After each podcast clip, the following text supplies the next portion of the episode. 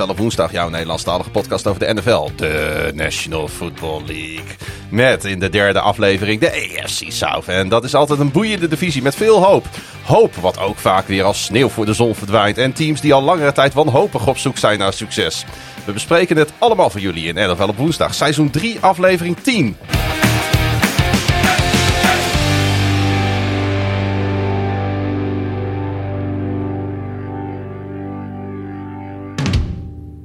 Met tegenover mij uh, een gast. Maar wel een beetje een regular gast. Want uh, we zien je al uh, volgens mij nu twee jaar op rij terug in Groningen. Ja. je mag jezelf even voorstellen. Ja, Michael Feiten. Um, vorig jaar voor de AFC preview en dit keer zonder bier. En dat uh, scheelt ja. alweer een boel. Gewoon op, uh, op maandagmiddag ben je naar Groningen gekomen. Ja. Dat is uh, ongelooflijk tof. Toch een uurtje rijden vanuit het mooie Zwolle. Ja, minder dan voor de meeste mensen. En ja, leuk om weer het te hebben over de AFC South. Ja, want het is, je mag het wel even uitleggen. Het is natuurlijk jouw divisie. Ja, ik ben een Jaguars-fan. Een van de, van de weinigen in Nederland. En ehm, ja, ik heb jarenlang in Amerika gewoond, in Jacksonville. Dus opgegroeid met de inauguration, inaugural season van de, van de Jaguars. Dus uh, ja, uh, ja, het is een beetje die divisie. Dus je kent ja. het ook goed. Veel spelers die ook zeg maar, gewoon heen en weer gaan uh, tussen de Texans, tussen de Colts en de Jaguars. Zeker, ja. Dus ja, je hebt er gewoon geschiedenis bij heel veel van die spelers die, ja. die rondlopen. Klein schotje voor de boeg voordat we wat dieper op de vier teams ingaan. Ja. wat verwacht je van deze divisie? Een beetje hetzelfde als vorig jaar?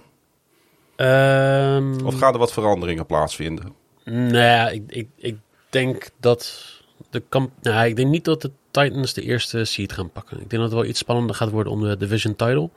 Het zou leuk zijn als, uh, als Indy het een beetje spannend maakt. En ja, het wordt gewoon vooral heel goed om te zien... wat wordt de toekomst van de Jaguars, van de Texans? Ja. Hoe gaan ze dat team opbouwen? Hoe gaan ze om met alle talent wat daar rondloopt? Ja, en wat dat betreft is de quarterback situatie natuurlijk bij zowel Jacksonville als Houston interessant. Want we hebben bij beide teams hebben we tweedejaars quarterback staan... die het uh, waarvan de ene het natuurlijk heel teleurstellend heeft gedaan. En de andere misschien wel iets meer dan we daarvan hadden verwacht. Um, ja. Dus, uh, maar goed, een nieuwe situatie uh, bij beide teams. Nieuwe coachingstaffs, nieuw personeel, dus een draft geweest. Dus wat dat betreft ook wel weer juist heel veel veranderingen natuurlijk. Ja. En we gaan het daarover hebben. En we hebben ook nog een soort van, ja, hoe moet ik het zeggen? Een side co-host. dus een, een, een co-co-host. Um, and he's all the way from the United States of America. Hey, thanks to be here. Yeah, and your name is? I am Colin. Uh, I'm from Minnesota, so I am, of course, a Vikings fan. I'm kind of on the wrong episode today. But, yeah, you are. But, you know, hey, I'm glad to be here. Well, let's explain to our listeners, because they are also involved in our personal lives, uh, uh, what you are doing here in Groningen and what you are doing here in the Netherlands. Well, I'm actually here for uh, the wedding of Frank. He's going to get married to Judith, and you know, I met him actually back back in 2000, I think 2010, uh, you know, Iowa State University. Mm-hmm. You know, I was uh, singing a Schalke song, and then he started singing it back to me, and we've been uh, best friends ever since. But happy to be here in the Netherlands. Happy to be here for Frank's wedding, and happy to be on your podcast. Thanks. Yeah, and happy to be in the be- most beautiful city of the country here in Groningen. Groningen is beautiful. Yeah, yeah. I will show it to you today later because when we arrived back from the Ajax Groningen game yesterday, it was uh, it was dark. Yes, but uh, we had a few beers at uh, Gedempte Zuiderdiep 61 at the Proeflokaal Hooghout. Nice. Yeah. Very nice place. As as we had enough beers already on that day. yeah, That's your typical game day. Yeah, yeah, yeah. I, I you remember it from uh, Jacksonville and also from Zwolle natuurlijk. Yeah, I don't really get home sober on a match day. No, no, no and you shouldn't be, especially no. when you are fans of teams like Zwolle and Groningen. And the Jaguars. And the Jaguars, yeah. and also the Vikings. yeah, exactly. and the Vikings. Yeah. I think I'm a little bit more lucky with the Baltimore Ravens uh, for that. That's yep. a winning franchise uh, from the start. But uh, yeah, um, um, it, well, stick to your team. You know, it's it's your home team. Uh, I think it's for you also. It's it feels like a home team, isn't it? Yeah, of course. Yeah, are you traveling back to Jacksonville uh, once in a while, or no? But uh, no, I mean they're in London, so yeah, I get yeah. to see them quite close. Yeah, they are playing this year. The they are uh, Colts, I think, right? The Colts. I think yeah, that's the, the division London game. Yeah, I think so. I think the other game is Vikings Saints. I know that one, and of course in Munich it's uh, Seahawks Buccaneers. Yep. Ja. But I forgot the opponent in London for the Jacksonville Jaguars. Broncos. The Broncos. Yeah. So Russell Wilson and the Broncos. That should be a good game. Should be. Yeah. And we're going to talk uh, about uh, Jacksonville. Uh, that's our first team, and I have to set my board for that. One moment. Here we go. Ja, er zullen eh, nog wel eens een paar spelers rillend wakker worden van Urban Meyer. Misschien wel de allerslechtste headcoaching hire in de geschiedenis van de NFL. Het begon natuurlijk al met het aantrekken van eh, racist Chris Doyle. En daarna kwam het nooit meer goed. We gaan het proberen achter ons te laten. Slechter dan eh, waar wij vorig jaar doorheen zijn gegaan, kan bijna niet zijn Jaguars defensive end Josh Allen. Laten we dat hopen voor de geplaagde franchise. Ja, niet zo'n hele positieve intro eh, wat dat betreft, eh, Mike, voor eh, de Jacksonville Jaguars. Maar ik denk wel een beetje wat er gebeurd is, hè? Nou ja, wij zaten hier vorig jaar en toen kregen we kregen ook de vraag van... wat vind je van Urban Meyer? Ik zei, nou ja, iemand die goed om kan gaan met jong talent. Die een positieve vibe heeft. En hij heeft ons heel erg teleurgesteld.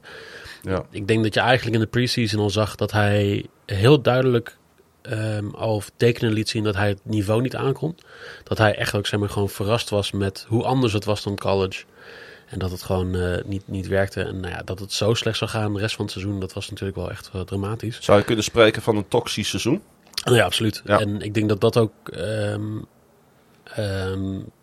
Khan aan te rekenen is. Omdat hij toch ook wel eh, een hele matige cultuur heeft neergezet. Tom Coughlin heeft natuurlijk geprobeerd. Nou, dat heeft ook niet goed uitgepakt. Tony Khan heeft, heeft het niet kunnen doen eh, in zijn rol als eh, head of football operations. Gelukkig gaat Tony Khan wat meer focussen op het AEW, op het worstelen. Ja. Dus die, eh, die is weg. Eh Trevor Ehm, ja, weet je, er kan nu wel eindelijk weer een voetbalteam komen te staan. Je hebt eigenaars in de NFL die zich te veel met een voetbalteam bemoeien. Ja. Zoals bijvoorbeeld David Tepper met de Carolina Panthers. En Ja. je hebt eigenaars die bemoeien zich eigenlijk te weinig mee. En zou dat ook de case kunnen zijn eh, voor de Jacksonville Jaguars? Nee, Kaan bemoeit zich op de foute momenten met de Jaguars. Ja. En eh, we- weet je, als je leiderschap wil tonen aan het begin van het seizoen, eh, dan moet je zeggen, we gaan nu al afscheid nemen van Urban Meyer. Ja. En niet pas, zeg maar, gewoon midden in het seizoen. Want daar, daar heeft gewoon niemand wat aan. Ik denk dat dat, dat ook, zeg maar, gewoon de reden is dat Trevor Lawrence niet echt eh, de begeleiding heeft gehad in zijn eerste jaar wat hij nodig had. Ik denk nu dat je een, een volle preseason hebt gehad, nu met eh, Doug Peterson erbij. Ik denk dat hij een hele andere voorbereiding heeft gehad. Compleet andere schemes, compleet andere ja, een manier van zeg maar Ja. gewoon hoe dat team opgebouwd Veel wordt. betere quarterback manager ook dan Urban Meyer. Absoluut. Ja. Ehm, ehm, eh, heeft Trevor Lawrence dan een beetje zijn rookiejaar eh weg laten gooien door de Jaguars? Of gaat dat te ver? Nee, wel, wel grappig. eh, we hebben het vorig jaar ook gehad over, zeg maar, je hoeft niet gelijk het beste rookie seizoen, seizoen ooit te hebben. Nee. We hebben met Peyton Manning gezien, die gewoon een, een, een recordseizoen heeft neergezet als het gaat om interceptions in zijn rookie seizoen. Die heeft alle fouten gemaakt die er te maken zijn. Ik denk wat, wat Manning vroeger had, wat Andrew Luck heeft gehad bij de Colts, wat, wat Lawrence niet heeft, is een O-line die hem kan helpen. Ja. Eh, wapens die hem kunnen helpen. Dus hij heeft wel dingen laten zien. En ik, ik heb tijdens de offseason best wel vaak gewoon op, eh, op ESPN ook, zeg maar, gewoon eh, Ryan Clark eh, gezien, die heel positief over. Die echt throws laat zien dat hij echt een ho- hoge voetbal IQ heeft. En dan zeggen mensen, ja, maar het is een garbage time tegen Seattle. Ja, maar wanneer jij een bepaalde throw maakt, maakt niet uit. Drew Brees is gewoon heel accuraat, weet je gewoon wat hij precies kan doen. En hij heeft ook seizoenen tussen gehad waar het niet werkte. Maar hij blijft altijd een hele accurate quarterback. Dus ik denk dat het gewoon voor Peterson de, de, de, ja, de taak wordt om te kijken hoe ga ik die jongen nou vertrouwen geven.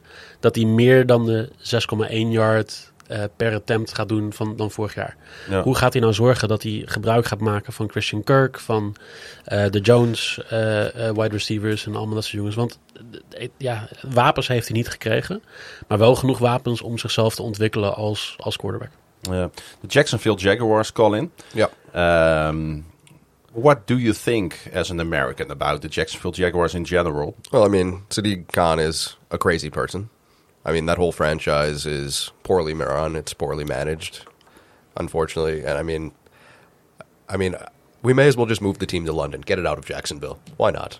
But at the same point, I think uh, one of their best signings this year is Christian Kirk. Christian Kirk has always carried me with big points down the stretch in my fantasy team. I think he's going to be a great target for Trevor Lawrence. And you know, hopefully Lawrence has a better better year than he had last year. I think he's going to, but I think six wins is the cap for Jacksonville. Well, now Christian Kirk is mentioned. Let's talk about the money they paid for Christian Kirk, or the money Christian Kirk gets paid, to say it uh, better.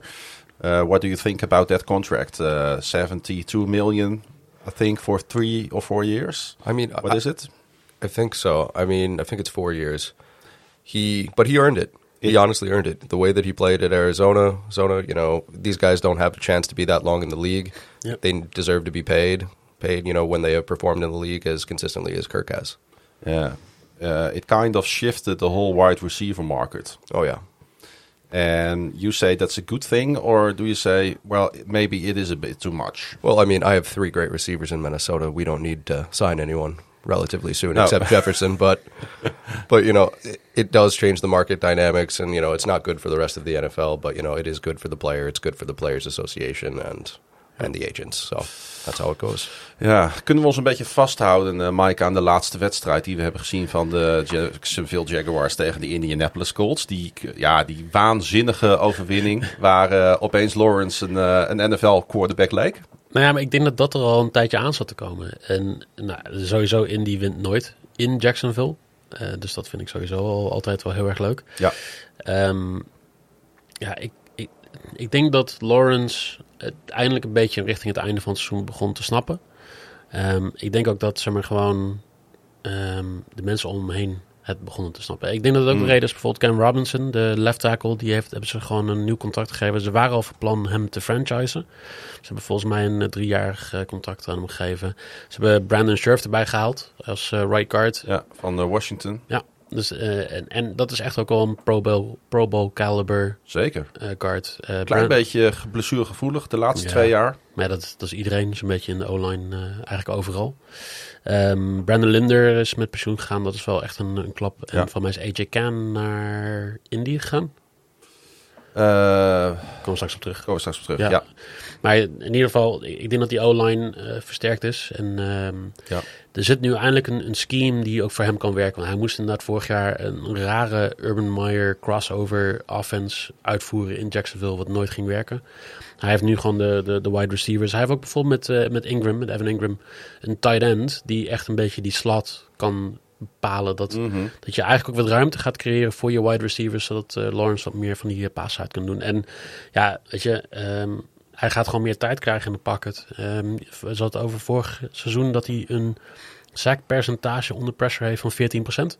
Dat is gewoon elite level sack prevention. Dus als de Ja. O-line hem meer tijd gaat geven, als, als hij gewoon dat allemaal gaat krijgen, dan is dat hartstikke leuk. Ik, ja, ik, ik, ik ben ook te positief. Hè? Want als Jaguar-fan ben je altijd aan het begin van het seizoen te positief. Daarvoor nodigen we je ook uit. Ja, nou ja, maar, maar anders dan wordt het ook zeg maar, gewoon zo altijd zo'n negatief idee van de, eh, ja, dat, dat de Ja. Jaguars toch wel weer slecht gaan zijn. Nou ja, eh, Pieter heeft een soort van stokpaardje. Die zegt altijd van eh, teams zoals bijvoorbeeld de Pittsburgh Steelers. Die draaien onder Tomlin al 18 jaar op rij eh, een winning season. Ja. Ehm, ik ga niet negatief over hun praten totdat zij het tegendeel hebben bewezen. Ja. Eh, teams als Jacksonville Jaguar eh, eh, zijn eh, niet historisch slecht. Maar wel de laatste 10, 11 jaar natuurlijk heel erg matig. AFC Championship. Eén jaar. Ja, 2017, één- 16. ja, enige winning season hè, van de 10. Ja, maar we hebben ook al, al een keer 14 en 2 eh, record gehad. Weet je, Ik zeg, dat zijn- zeg ik, ze zijn niet historisch nee, ze slecht. zijn niet Detroit Lions slecht. Nee. nee, maar zij, moeten, zij hebben wel wat te bewijzen. Dat klopt. En eh, ik denk dat het ook niet, niet helpt. Hè. Ik Als je kijkt naar bijvoorbeeld een eh, Jalen Ramsey. Weet je, die blijft nooit in Jacksonville na zijn rookie seizoen. Nee. Dus je hebt eigenlijk elke rookie die bij, bij de Jaguars komt, dat, die gaat in principe gewoon weg. Ja. En, Geen long-term deals daarna. Nee. en daarom ook heel goed. Hè? Ik bedoel, Cam Robinson heeft het niet heel goed gedaan in zijn eerste vijf jaar. Maar het feit dat hij zeg maar, gewoon blijft voor jaren 6, 7 en 8 is gewoon hartstikke goed. Ja. Dat laat zien dat de Jaguars wel ergens mee bezig zijn. Ze hebben natuurlijk ook in, in free agency, zegt iedereen van ja, dat doen ze nooit iets goed. Ja, daar ben ik het niet mee eens. Want ik bedoel, als je kijkt naar eh ehm, eh, Clay Campbell, die ze een paar jaar geleden gehaald hebben. Daar stond opeens, opeens een hele defense om hem heen. Mhm. Die ook gewoon jongens die beter waren. En Gakwe, die is nu weer terug naar de divisie. Ja. Die is ook zeg maar gewoon een betere ehm eh, lineman daar van eh, frontman voor geworden. Dus ik denk dat daar gewoon best wel eh, veel dingen is. En, en Over journeymans gesproken trouwens. Nakagwe, wauw. Ja. Ja. ja, hij heeft toch een ring. He's dus, eh, traveling around. ja. Nee, dus ik, ik denk dat daar gewoon, weet je, het, het gaat heel erg afhangen van ook hoe eh, Etienne, die vorig jaar natuurlijk redelijk Ja. geblesseerd was. Nu is James Robinson geblesseerd, dat is hartstikke jammer. Ja, ik, ik heb daar wel goede hoop voor, voor Etienne dat hij, dat hij een goed jaar gaat draaien. Ja. En hij staat natuurlijk te springen. Het is een beetje een open deur, maar die staat natuurlijk te springen om het veld weer op te rennen. Ja. Eh, over free agency gesproken, laten we daar eens eh, heel even op inzoomen. En ook het geld wat daarbij gemoeid is. Linebacker Odiokun van eh, de Falcons gehaald, 45 miljoen. Een defensive tackle, eh, I- ik heb geen idee hoe je het uitspreekt. Fali Fatukasi. Educatie, ja. Ja, Jets, drie jaar, 30 miljoen. Quarterback Darius Williams.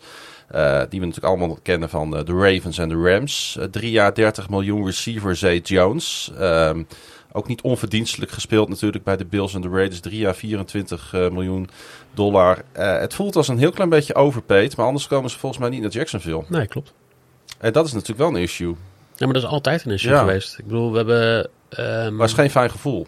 Nee, maar, maar daar, daar hebben de Jaguars last van. Daar hebben de Cardinals last van. Daar hebben de Lions last van. Eigenlijk al die teams. Texans ook. Terwijl de Texans en de Jaguars zitten ook nog eens een keer in staten... waar er geen state eh, income tax is. Ja, klopt. Dus het, het is heel aantrekkelijk om naar dat soort markten toe te gaan. Alleen niet om voor dat soort teams te spelen. Dus weet je, ja, ik, ik, denk dat daar gewoon... Je moet iets overbetalen. En als je het gewoon eruit haalt... en als je rookies daarheen kan ontwikkelen... dan is dat prima. Wat ik wel nog steeds een beetje heb... is dat er is niet een vocaal punt... waar ze dingen omheen aan het ontwikkelen zijn. En ja, dan wordt de vraag van... Dus je mist leiderschap. Nou, je mist leiderschap, maar je mist ook zeg maar, gewoon die soort bliksemafleiders. Josh Allen gaat weer het hele seizoen gedoubleteamd worden. Ja. En hoe goed is een Josh Allen als hij elke keer twee man voor zijn neus heeft staan... of weer een tight end voor zijn neus Ja. heeft staan. Hij is in principe mijn favoriete speler bij de Jaguars. Hij is ook de beste Josh Allen nog Ja. steeds in de NFL. hè? Ja. Dus, eh, De best Josh Allen. en, En die is een funny guy. Ik, ik, hou van de manier waarop hij ook eh, over het team praat, over de stad Ja. praat. Eh, hij heeft echt de Jacksonville Jaguars omarmd, vind Ja. ik. Ja, en ik hoop ook dat hij blijft over Ja. twee jaar als zijn contract eh, afloopt. Of zijn minst als rookie contract afloopt. Misschien moeten ze hem nu eigenlijk al tekenen voor meer dan de 6 miljoen dat hij waard is. Ja. En ja, ik ben heel benieuwd wat eh eh, Trayvon Walker gaat doen. Ja, dat is een goede die je opbrengt. Want eh, er is eh a little bit of controversy natuurlijk eh, rond, eh, rond die hele draft. Ja. Eh, outside linebacker Trevon Walker Ja. eh, ging inderdaad ehm, naar de Jaguars. En later in de ronde koos ze trouwens ook nog voor een andere linebacker, Devin Lloyd. Ja. Eh, maar eh, even terugkomen op Trevor Walker. Hutchinson ging natuurlijk eh, naar zijn droomteam, de Detroit Lions. Zou dat mee hebben gespeeld in de overweging van Jacksonville om hem niet te halen? Ik denk dat de Jaguars over de afgelopen vijf jaar altijd hebben gekozen voor de beste prospect. Als je kijkt naar bijvoorbeeld een ehm, Leonard. Zo. Ik zit echt helemaal nog niet eh, in het seizoen. Eh, Onze, onze, onze running back eh, van, van de Buccaneers. Ehm dat weet ik niet. I don't know. In ieder geval het grootste running back talent wat er was. Ja. Op basis van wat, wat iedereen zei. Ehm, ja, eh, ehm, we hebben een paar offensive linemen gehad. We hebben Bortles gehad, de boot. Ja, ja, weet je, het was altijd zeg maar, gewoon dat ze daarvoor gingen. Nu gaan ze eigenlijk voor iemand met Trayvon Walker... die het beste of de meest atletische linebacker is... waarschijnlijk in de afgelopen vijf tot tien jaar. Mhm. Er is niemand waar je hem mee kan vergelijken... behalve iemand als Jason Oh, Pierre-Paul. Leonard Fournette natuurlijk. Leonard Fournette, ja. Ja. Dankjewel. Ja. Ik, zat even, ik moest ook even Ja, graven. ja, Play of Lenny. ja, ja. Maar Ja. weet je, dus Trayvon Walker is met zijn size op, op de linebacker-positie gewoon uniek. Hij heeft, hij heeft hetzelfde lichaamsbouw als Jason Pierre-Paul, maar hij heeft Mhm. eh, het atleticisme van een, van een linebacker. Dat is gewoon Ja. niet normaal. Dus qua run defense word je gelijk sterker. Qua, ehm, eh, Eens. eh, als jij een, een man, nou ja, jij bent lang. Als jij iemand van, van jouw lengte op een voetbalveld neerzet, of een voetbalveld neerzet, Ja. en die doet de arm omhoog, dan heeft de, de quarterback kan al een derde van zijn van zijn eh, line of vision kan hij al niet zien. Of durft hij al niet heen te gooien. Als hij dat kan ontwikkelen, Nou ja, John Harbaugh heeft ooit tegen mij gezegd: eh, You're a nose tackle. ja, ja, nou ja, You could be a nose tackle. ja. He said. I'm not kidding you. This is a true story. Really? Yeah, John Harbaugh told me that. You could have been. I mean, Yeah. you, you could have been great. I, I told him, where can I sign? I'll take a league minimum. Yeah. Yeah, thanks. I have to train a lot. he looked at me and said, "You could be a snack for one of the linemen." Je kunt die sushi. sushi. Ehm, eh, inderdaad. eh, eh, ik, ik, goede draft picks. Ehm, en, maar tegelijkertijd werp ik de vraag op. Hadden ze niet moeten gaan voor het booster van de O-line? Ja, ehm, nee, denk ik. Oké. Want ehm we komen er bij de Texans op terug straks.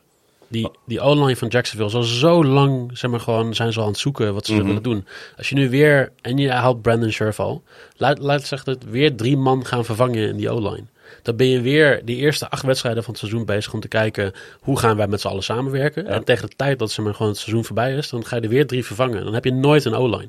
De beste O-lines in de NFL zijn degene die lang met elkaar samenspelen. Waar je één of twee spelers aan toevoegt in een bepaalde periode. Dat is om de Steelers eigenlijk altijd gewoon een hele goede O-line hebben. Ja.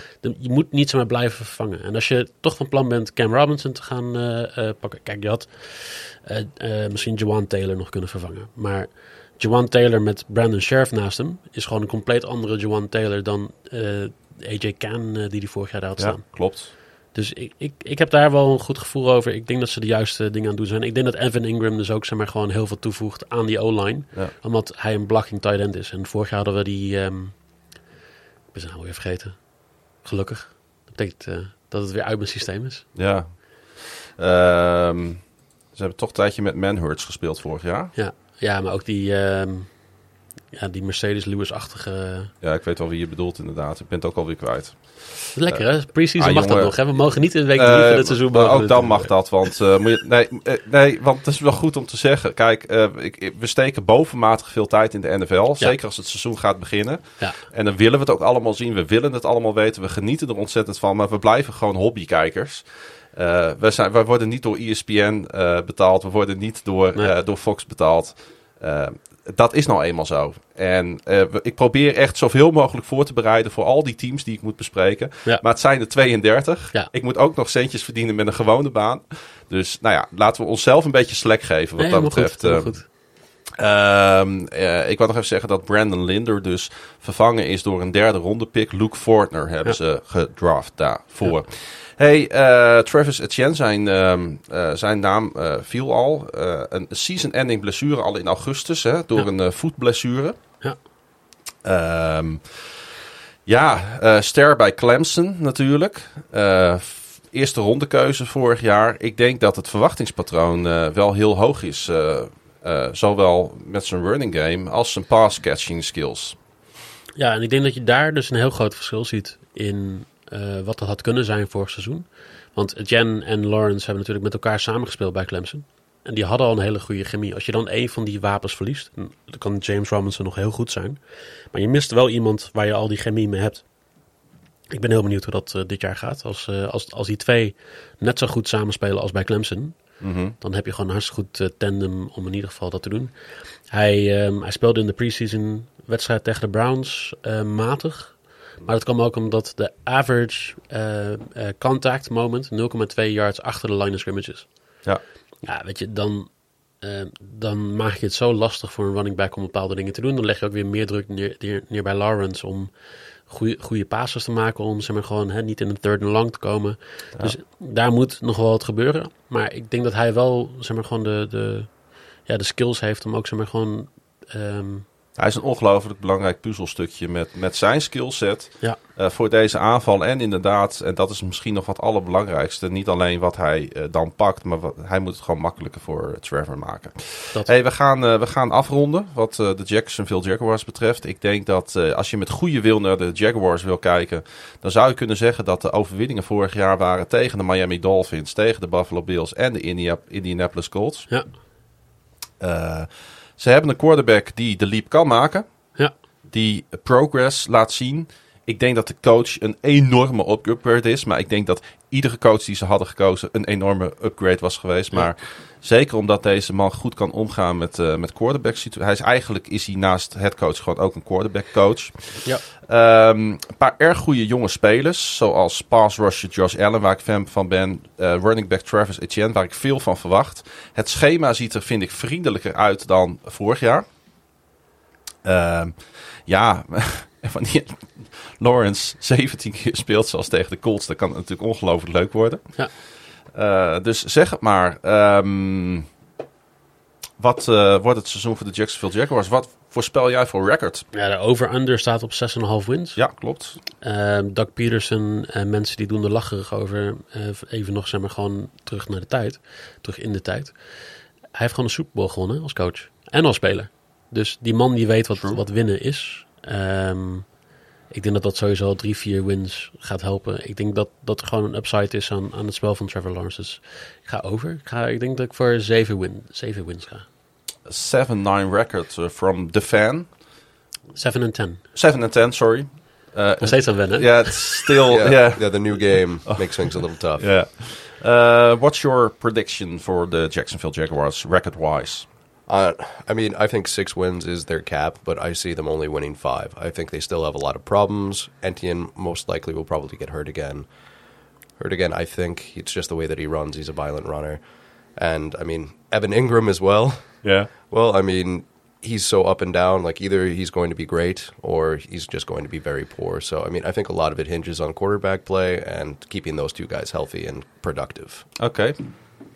That's uh, that makes sense in a way, of course. Um, well, last year I was overexcited about the Jacksonville Jaguars. I gave them, I think, about eight nine or nine eight record. So I'm uh, going with seven wins uh, this year. Nice. Ja, het was een raar jaar in Houston. Iedereen wist dat eh, David Cully één jaar zou krijgen. En de manier waarop Houston met hem omging verdiende geen schoonheidsprijs. De manier waarop Cully zijn werk deed, wel. Er waren zelfs kennis die de Texans op 0-17 voorspelden. Maar Houston ging 4-13, ondanks een roster vol gebreken. Cully maakte genoeg fouten en was daar ook vaak eerlijk over. Met general manager Nick Casario en senior advisor Romeo Cornell tetterend in zijn koptelefoon moet het niet altijd makkelijk zijn geweest. Het is voor Lovie Smith te hopen dat hij wat meer ruimte krijgt. Ja, eh, een geplaagde franchise. De Houston Texans. Eigenlijk nog veel meer geplaagd de laatste twee, drie jaar, denk ik, dan Jacksonville. Ja. Waar eh, wat slechte keuzes zijn gemaakt. Maar het lijkt wel alsof het ongeluk eh, Houston Texans aantrekt en andersom, hè? Nou ja, ehm, de, ze doen het echt zelf. Dus Ja. dit is niet ongeluk, denk ik. Nee. Oké, maar ongeluk kun je ook zelf creëren natuurlijk. Nee, dat Ja. wel. Maar kijk, de Jaguars eh, worden vaak als een eh, dumpster fire neergezet. Dan wil Ja. ik niet weten wat de Texans zouden zijn als vergelijking. Nee, laten we eens beginnen bij, eh, bij afgelopen seizoen. Want het aantrekken van hè, een 65-jarige first-time headcoach... die nergens een offensive of defensive coordinator was geweest in de NFL... was denk ik wel de eerste bedenkelijke move van Casario, hè? Eh, ja. In ja, een rijtje van vele bedenkelijke weer, moves. we hebben het vorig jaar over gehad waarom deze mensen op de plek zitten waar ze zitten. Ze zijn, het zijn mensen die uit de community komen van de eigenaar. Ja. En dat is altijd stap 1 om een hele slechte situatie te doen als je vriendjespolitiek hebt, binnen welke eh, sport dan ook. Maar in, in de NFL nog meer, omdat daar zo'n moordende, moordende concurrentie is bij al die teams om, om te zorgen dat die het beste eruit halen. Dat ik, ja, weet je, ik, ik denk dat daar, als dat, als dat gedeelte van de Texans niet opgelost wordt, dan maakt niet uit hoe goed je roster is, dan blijf je altijd onder die vijf wins zitten. Ja, daar ben ik ook bang voor. Het is natuurlijk de jongste franchise in de NFL. Ja. Maar ze hebben toch een behoorlijke fanbase opgebouwd. Eh, Ze zijn best wel populair in hun regio. Dat hebben ze wel goed gedaan. Hoe is het mogelijk dat die mensen nog naar het stadion komen, joh? Ehm, Is dat onvoorwaardelijke liefde? nee, dat is gewoon, Zelf, zelf nee, je- je wil gewoon iets doen op een zondag. ja. Zoals wij ook naar Zwolle en Groningen gaan, Ja, zeg maar. en ze willen niet naar Dallas, dus dan ga je naar Houston. Nee, ja, dat is, dat is ook wel weer waar. En New Orleans zit iets te ver rijden, dus dan, eh, ja. Ja. Eh, ik heb mij enorm gestoord aan Casario. Eh, de- en ook de dingen die hij gezegd heeft. Hij zei na het seizoen toen die Collie ontsloeg, zei hij... Ik denk dat de manier van denken, de filosofie net niet overeenkwamen. Ja, dat vond ik in, in all of its ways, zeg maar, echt een, echt een belachelijke opmerking. Als je begrijpt wat ik daarmee bedoel. Ja. Eén, eh, dat wist hij natuurlijk al aan het begin van het seizoen. Toch heeft hij de keuze gemaakt om het wel te doen. Ja. En dan gaat hij dus, eh, eh, ja, in plaats van naar zichzelf te kijken, legt hij dus ook nog eens de schuld bij deze arme Collie, die echt hier helemaal niks aan kan doen. Hè? Ja, klopt. Ja, hij had die baan niet kunnen aannemen. Ja. Dat is het enige. Ja. the Houston Texans eh call in. Eh, Mike just called them a dumbfire. No, no, I said worse than a dumpster fire. Worse than a Or- dumpster Jaguars fire. are a dumpster fire. There's no, there's no superlatives sorry, for yeah. the for the Texans. Yeah, Yeah, I, I, I couldn't agree more. And actually, that was the only thing in the Dutch that I understood was that that franchise is worse than a dumpster fire. I mean, ever since Deshaun Watson and everything else, I mean, their quarterback is who? Travis Mills? Davis Mills. Davis Mills. See, I don't know who the man's name is. I have, I have no idea if this man can even play. I feel like they just keep throwing players together the last two seasons and trying to see if anything sticks to the wall.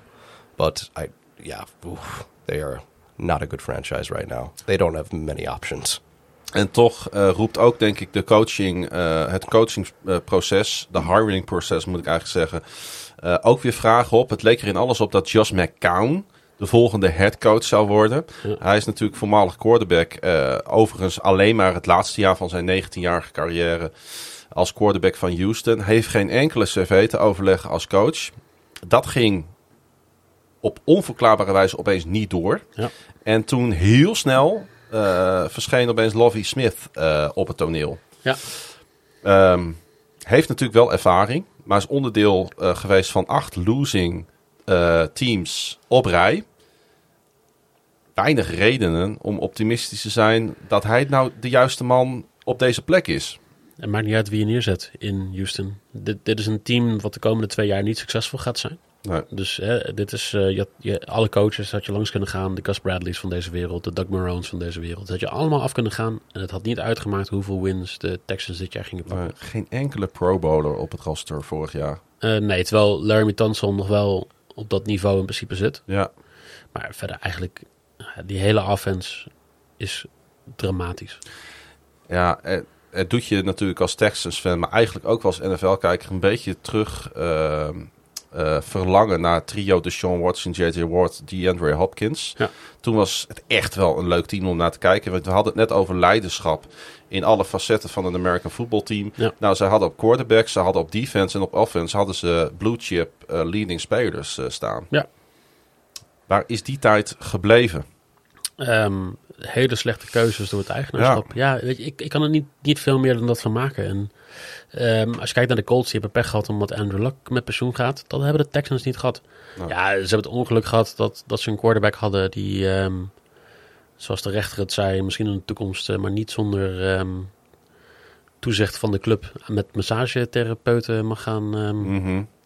werken. Maar dat, ja, dat kan je pech noemen. Maar het was niet alsof Sean Watson de afgelopen twee jaar nou nog zeg maar, dat oude niveau had. Nee, dat, dat is ook waar. Ze gingen 4-12 in zijn laatste volledige seizoen. Hè? Eh, en toch, eh, Davis Mills, eh, zijn naam viel al even. Ja, ondanks alles, ik denk als je het echt in de context van de Houston Texans bekijkt, een revelatie. Ja, met lage verwachtingen het seizoen ingegaan. Ja, third round pick.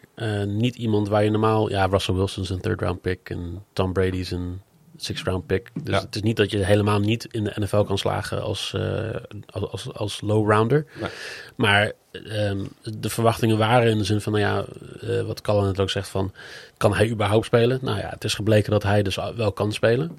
Maar ni- niet, het is niet consistent. Het is niet Nee. consistent goed. Dus hij is niet de toekomst van de Texans. Hij is iemand die zeg maar gewoon ze in de tussentijd gaat begeleiden. Een Josh McCown eigenlijk een beetje, weet je. Die heeft ook starting games gehad voor, voor franchises, maar nooit, eh, nooit ergens mee eh, terecht is gekomen. Maar ja, weet je, ik denk dat hij dus wel, als er een sophomore slump kan zijn, buiten Zach Wilson, als hij, die kan nog slechter worden dan hij vorig jaar was. Ja. Denk ook dat Davis Mills dat, eh, dat zou kunnen zijn. En dan, dan winnen de Texans niks. nee, dat klopt. Ik hoop dat hij kleine stapjes kan zetten voor de Texans. Want het is puur en het is... ja, misschien ben ik een te vriendelijke jongen. Maar ik gun het geen enkele franchise dat ze 0-17 gaan. Nee. Ik gun dat ook niet eh, trouwe loyal fans die eh, naar het stadion komen en hun teams achterna reizen. Dus Maar- dat is meer een beetje vanuit de fan gedacht. Ja, ja. Eh, gun ik ze dat absoluut niet. Alleen ze roepen het wel over zichzelf af natuurlijk. Maar het is wel het doel, hè? Het doel is om vorig jaar, volgend jaar gewoon eigenlijk de beste quarterback te kunnen draften. Want vorig jaar, volgend jaar heeft hij een goede quarterback class. Ja. Dus als Davis Mills echt zo slecht is, dan staan ze gewoon weer op nummer 1. Als Davis Mills hartstikke goed is, dan eh, hebben ze misschien iemand waardoor ze volgend jaar niet een quarterback hoeven te draften. Maar ik denk dat de kans daarop heel klein is. Ik denk dat zij, ik heb, het, eh, ik heb de Atlanta Falcons ook al eh, voorbeschouwd. Ik denk dat de Houston Texans het slechtste team eh, op papier hebben in de NFL. Ja.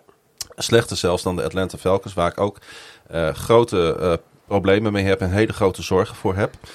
Ehm, ja, en nu hebben ze dus een coach aan het roer die eh, voor het laatst een winning team leidde met de 2012 Chicago Bears. Ja. Met een peak Jay Cutler en eh, Matt Forte. Eh wou ik er even bij zeggen. Al scrollend door het roster zijn, denk ik, de twee beste spelers. De left tackle, Laramie uh, Tansil, inderdaad. Jij noemde hem al. En receiver Brandon Cooks. Die allebei overigens alweer 28 zijn wanneer het seizoen begint. Ja. Dus daar gloort ook weinig hoop, hè? Dat, ik denk de enige ehm, waar je wel vergeet. En ik denk dat Derek Stingley echt een hartstikke goede draftpick is. Ik denk dat hij iemand kan zijn die Ja. op die cornerback positie de volgende Jalen Ramsey kan zijn qua talent. Ja, hij was een fenomeen hè, als freshman bij LSU. Dus ik, ik denk dat daar echt gewoon heel veel uit kan komen. Maar ja, je hebt gewoon de kans, eigenlijk een beetje hetzelfde wat we gezien hebben met Jalen Ramsey. Dat hij in een heel slecht team zichzelf wel kan bewijzen. Omdat er heel veel, zeg maar, gewoon time possession voor de tegenstander is. Ja. En, ja, Maak je geen zorgen over zijn blessureverleden? Hij speelde in 2019, 2020 bij LSU met 10 wedstrijden. ja, Of zegt jou dat nog niet zoveel bij een jonge speler? nou ja, iedereen in de NFL is blessure, bless- blessuregevoelig. Er zijn, jong, ja, er zijn een paar die het niet zijn. Maar in principe, Mm. iedereen raakt geblesseerd tijdens hun carrière. En eh, er is niks wat dat kan voorspellen. Er zijn jongens die nooit knieproblemen hebben gehad, die eh, de eerste preseason wedstrijd geraakt worden en gelijk een, eh, een knie eh, afscheuren. Er zijn jongens die heel, heel, heel veel eh blessuregevoeligheid hebben gehad, die nooit meer geblesseerd raken op die manier.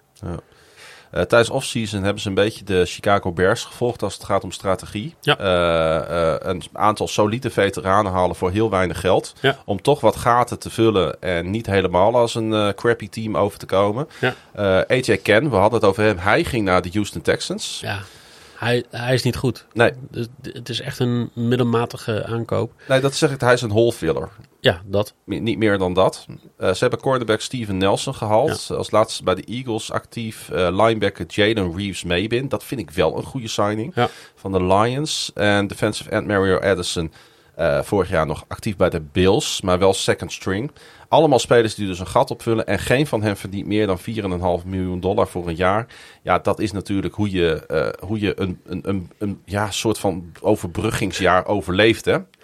Maar, maar dat, dat is wat de Texans dit jaar moeten doen. Hè? Ze moeten dit jaar kijken. eh, ze hebben heel veel jong talent, eerste en tweedejaars eh rookies die daar eh, rondlopen, die nu een starting chance krijgen. Ja. Als jij vijf of zes spelers kan vinden die starting spelers kunnen gaan worden in de toekomst.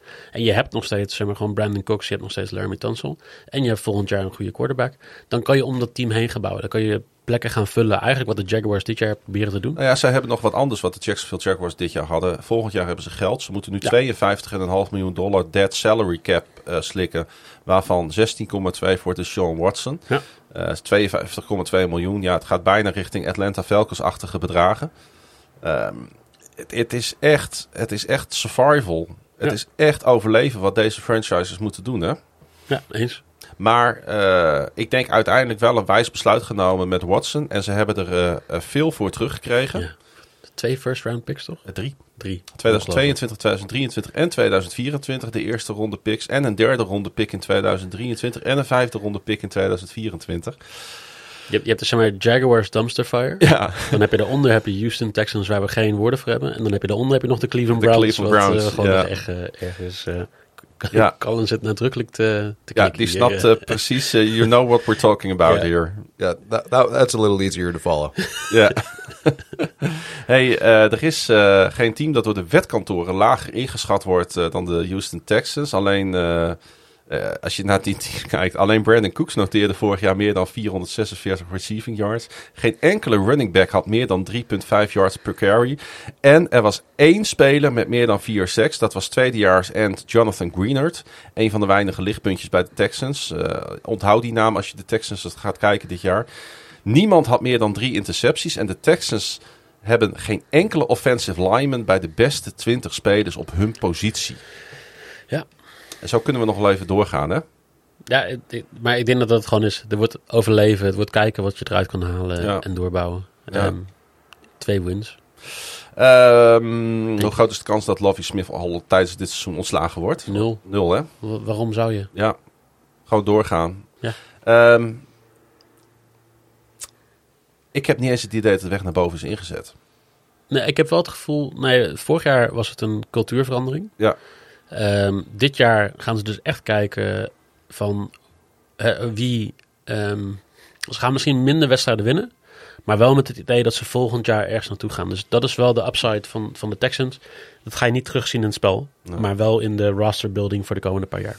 Ja, ik heb er nog niet zoveel vertrouwen in. Maar dat komt ook omdat ze dat zelf eh, over zich hebben afgeroepen. Dat je hier bijna geen vertrouwen in kan hebben in deze franchise. En het heeft niet eens te maken met. Ik zie ook wel waar ze mee bezig zijn. Maar ik heb ergens heel sterk dat deze clubleiding dit team toch wel weer gaat verneuken. Um, zeg het maar. Wat? Twee. Twee wins. Two wins voor de Houston Texans. Three wins. Three wins, I think. And I mean, I don't think Lovey Smith makes it past week 15. I think they will fire him by then. You think we just talked about that? Yeah, yeah. that's what I thought was going on, but I was yeah. We think it makes no sense to fire uh, a head coach in a team that wants to have the number one pick. Yeah, I mean, but they are a dumpster fire of a franchise, so they still might make that decision. Well, I also gonna put them on three wins uh, this season, and and that's an under, right? Because it's over under three and a half wins for the bookies. Yeah, exactly. Sinds Andrew Luck in 2019 met pensioen ging, zijn de Colts naastig op zoek naar de juiste man op de belangrijkste positie in de NFL. De franchise weet ieder jaar weer een prima roster te bouwen, maar heeft niemand om er ook echt de vruchten van te plukken. Matt Ryan werd, uh, wordt de vierde starting quarterback in vier seizoenen sinds het vertrek van Luck. Jacoby Brissett nam het over van Luck. Philip Rivers gooide de Colts naar de playoffs en Carson Wentz deed dat bijna maar chokte op het moment suprême. En het team deed een beroep op Maddie Ice. Ja, ik denk uh, dat de quarterback-situatie in Indianapolis uh, precies is wat een NFL-team niet wil. Alles tot nu toe, alle tot nu toe genoemde quarterbacks die ik net in het introotje noemde, zijn natuurlijk prima, maar niet toekomstbestendig. Je kan dus wel stellen, denk ik, dat het pensioen van Locke een setback is geweest voor de Colts, die nu al vier jaar duurt. Hè? Ja, uh, en voor de goede orde, dat ligt natuurlijk niet per se aan Andrew Locke zelf. Alsof we hem daarvan de schuld geven. Uh, nee, dat is natuurlijk niet ja. zo. Ja. Daar kan je weinig aan doen. Maar wat ik wel grappig vind, ik ben nu aan het nadenken. Wie is volgend jaar de quarterback van de Indianapolis Colts? Want weet je, Matt Ryan, 37 jaar oud, 30 miljoen per jaar, belachelijk. Um, wie, wie is nu zeg maar, rond die 35, 36 jaar oud, die nog een jaartje bij de, bij de Indianapolis Colts net het niet wil gaan halen? Ik weet het wel. Nou. Joe Flacco. Oeh. Hij is natuurlijk in hetzelfde jaar als Matt Ryan begonnen in de NFL, hè? Ja, Zij zijn samen toen in, uh, wat zal het zijn geweest? 2005, 4? 8. 8, 8, ja, zijn ze in de NFL gekomen. Ja, ik denk dat dat. Uh, maar weet je, het mooie bij de Colts is, ik denk dat het niet heel veel uitmaakt wie de quarterback is. Ik denk dat die echt wel de, de tools hebben overal. Um, misschien wel de beste verdediging van de NFL. Hm.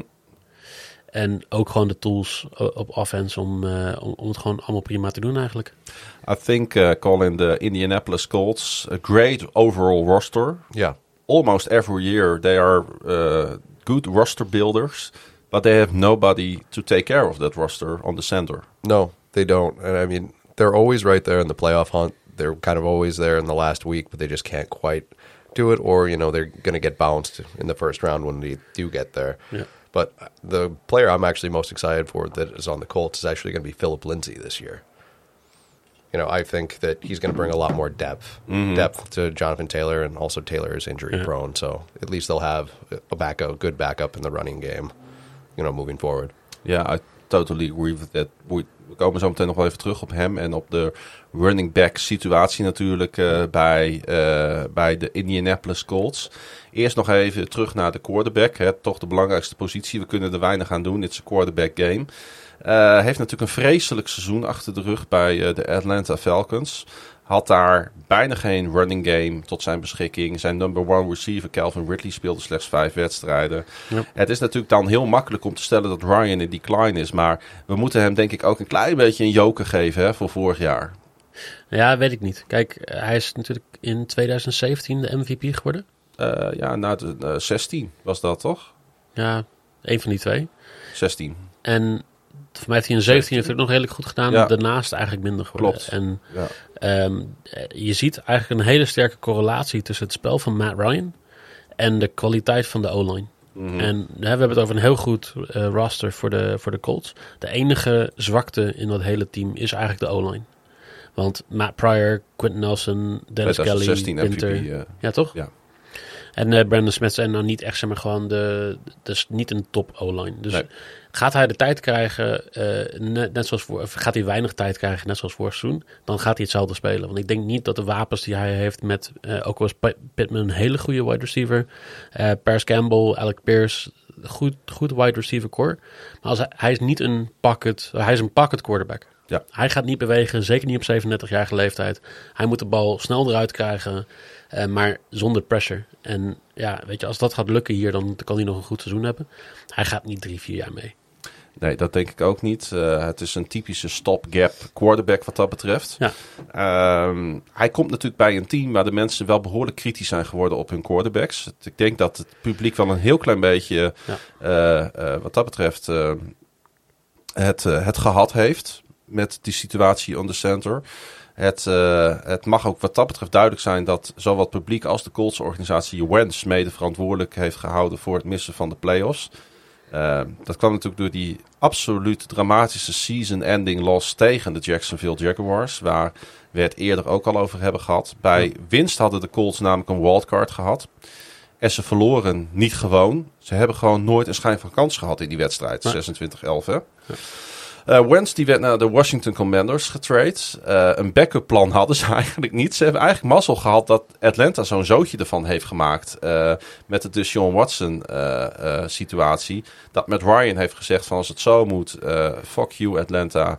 Ik heb fantastische jaren bij jullie gehad, maar ik ben nu even helemaal klaar met jullie. Ja. Dus Ryan kwam beschikbaar. Wilde ook nog naar Indianapolis. Ja. Ze hebben wel eigenlijk gewoon, vind je niet, een beetje mazzel gehad dat ze deze quarterback hebben. Ja, maar Indy is quarterback friendly. Ja. Dat zijn ze altijd geweest. Dat zit in, in dat team na al die jaren Peyton Manning en daarna gewoon al die jaren Andrew Luck. Dus ik denk dat eh, je, je ziet dat een Philip Rivers er heel snel heen wou gaan. En dat zie je nu met Matt Ryan ook. En volgend jaar weer ook, ja, Flacco waarschijnlijk.